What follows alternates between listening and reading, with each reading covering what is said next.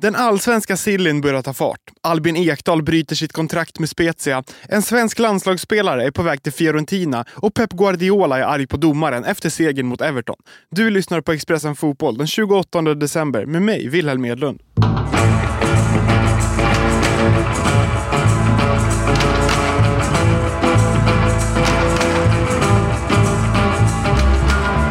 Igår spelade Manchester City Premier League-fotboll igen efter trippen till Saudiarabien och klubblags-VM. Everton stod för motståndet och var faktiskt det lag som tog ledningen och ledde i halvtid.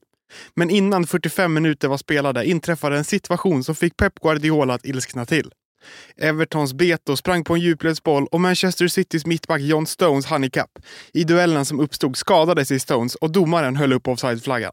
Nej, men offside var det och det tyckte assisterande domaren också. Men då hamnar man ibland i de här situationerna där en spelare, nu kanske inte så allvarligt, men Stones åker på en smäll här och det känns ju onödigt.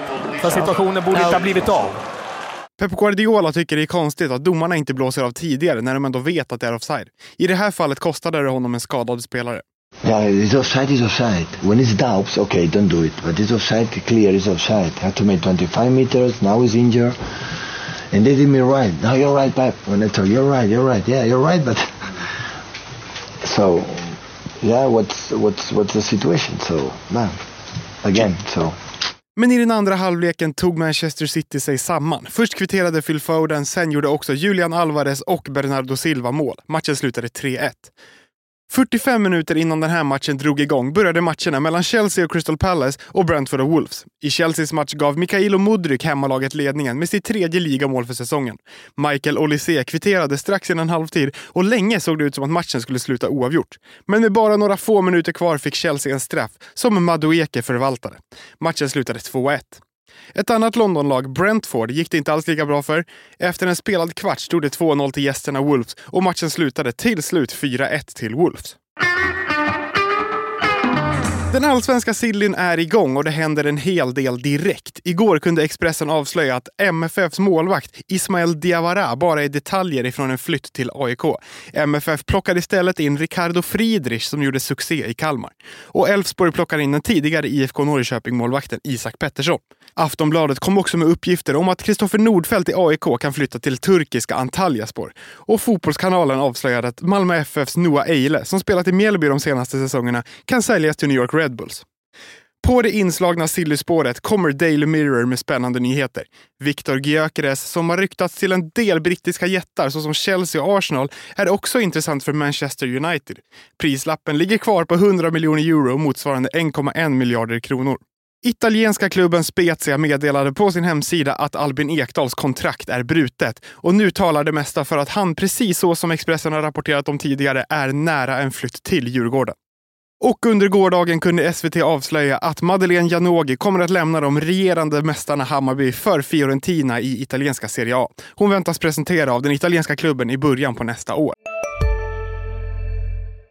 Välkommen till Coolbet där spänningen aldrig tar slut och underhållningen står i centrum. Här får du inte bara Sveriges bästa fotbollsodds. Du får också en spelupplevelse som är rättvis, transparent och framförallt rolig. För oss handlar det om mer än bara spel. Det handlar om att ta en paus, att våga chansa och kanske vinna stort. Det oväntade gör varje ögonblick unikt. För dig över 18 år, stödlinjen.se.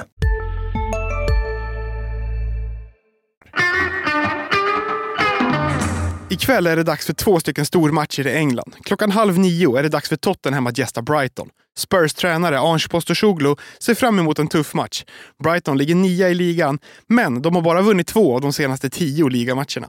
I don't see it that way. I, I think every team's in the Premier League's got its challenges. They're different challenges for sure, and um, that's that's a bit you enjoy. I, you know, I don't don't think there's an extra sort of layer of information you need. It's um, you know, you certainly know how they're going to play. Um, sometimes it's harder when teams are less predictable and, and, not less predictable, but you know, change on a weekly basis. You think how they're going to tackle us, but you know, with Brighton, there's going to be a real challenge for us there. And you know, they want to dominate the ball. We want to dominate the ball. Um, you know, they they're going to be aggressive on the press. We're going to be aggressive on the press. So it's it's. I think it's one you look forward to rather than sort of um, have any trepidation about.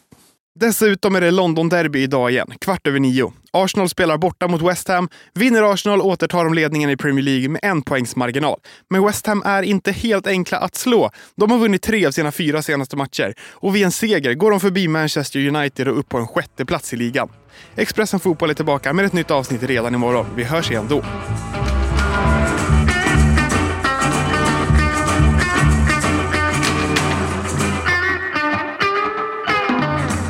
Du har lyssnat på en podcast från Expressen. Ansvarig utgivare Klas Granström.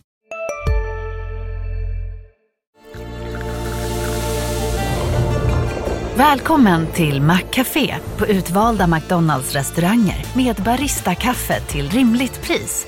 Vad sägs om en latte eller cappuccino för bara 35 kronor? Alltid gjorda av våra utbildade baristor.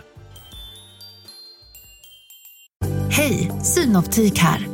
Hos oss får du hjälp med att ta hand om din ögonhälsa. Med vår synundersökning kan vi upptäcka både synförändringar och tecken på vanliga ögonsjukdomar. Boka tid på synoptik.se.